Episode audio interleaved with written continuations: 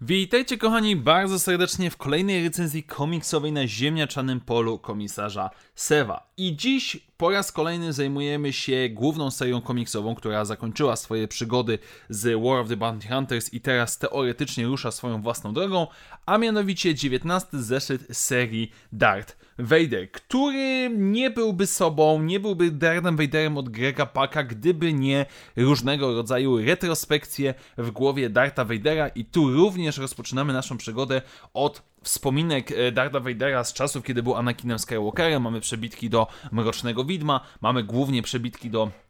ataku klonów do rozmowy z Padme na temat systemu, jak powinien działać system e, polityczny w galaktyce e, i jak to właściwie powinno funkcjonować i to wszystko w pewien sposób sprowadza się do tego, jak, e, w jaki sposób powinien być sprowadzony porządek, a łączy się to bowiem z polowaniem Darta Vadera na poszczególne komórki Crimson Dawnu. E, w tym zeszycie, co jest zaskakujące, przynajmniej dla mnie, pojawia się Valence, więc czytanie tego zeszytu bez znajomości poprzedniego zeszytu czy najnowszego zeszytu z Bounty Hunters jest trochę, e, może troszeczkę budzić zdziwienie, ale generalnie kwestia jest tego typu, że na planecie Lejkora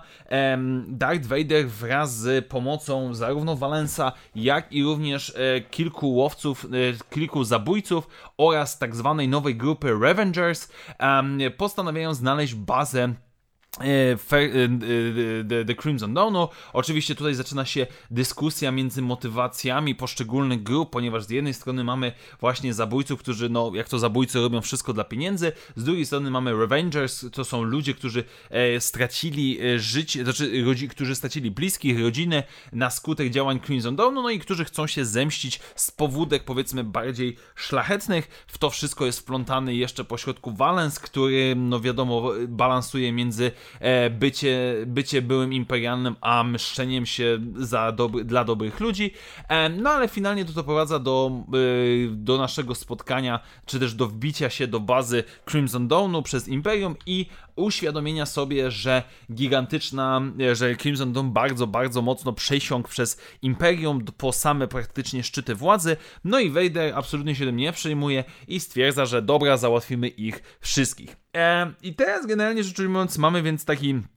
pewnego rodzaju wstęp e, do motywacji, jakie stoją za działaniami poszczególnych bohaterów w ramach tej serii komiksowej, e, czyli z jednej strony mamy Vadera, który gdzieś tam widzi, że to imperium, w które może w jakiś sposób wierzył, nie do końca się sprawdza, ponieważ tak łatwo przesiąkło całą tą korupcją związaną z Crimson Dawnem, e, ale jednocześnie mamy oczywiście tych Revengers, którzy są bardziej tacy naiwnie wierzący w jakiś sposób chcący się po prostu e, zemścić za swoje, swoje e, martwe rodziny. No z drugiej strony mamy łowców, e, nie łowców nagród, tylko zabójców, którzy a, robią to wszystko dla pieniędzy, więc mamy tutaj pole do wszelkiego rodzaju przedrzeźniania się nawzajem. Na plus, co w pewien sposób działa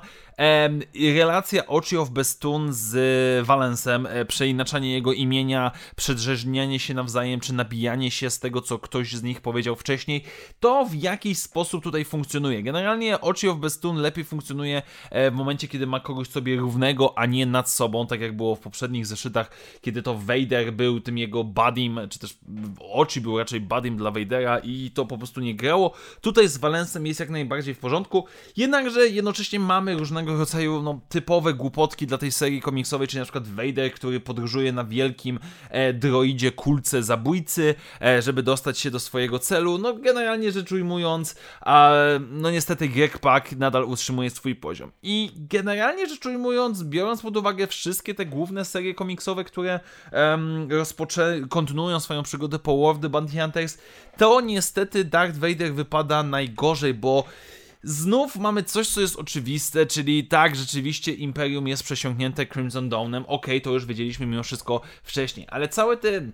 retrospekcje, które w jakiś sposób, e, powiedzmy, pokazują, że Vader myśli na temat systemu politycznego i jak to wszystko właściwie działa. Cała, ha może nie tyle chaotyczna, co nieco dziwna, e, powiedziałbym, sytuacja ze szturmowcami na początku, którą da się w jakiś tam sposób sensownie wyjaśnić, ale jakoś po prostu dziwnie wygląda. Plus, na, na plus jednak muszę troszeczkę zaliczyć rysunki, które są niezbyt okazałe, bym powiedział, ale w jakiś sposób wkomponowują się w całe założenie tego, co tutaj powinno być. Jednak mimo tego.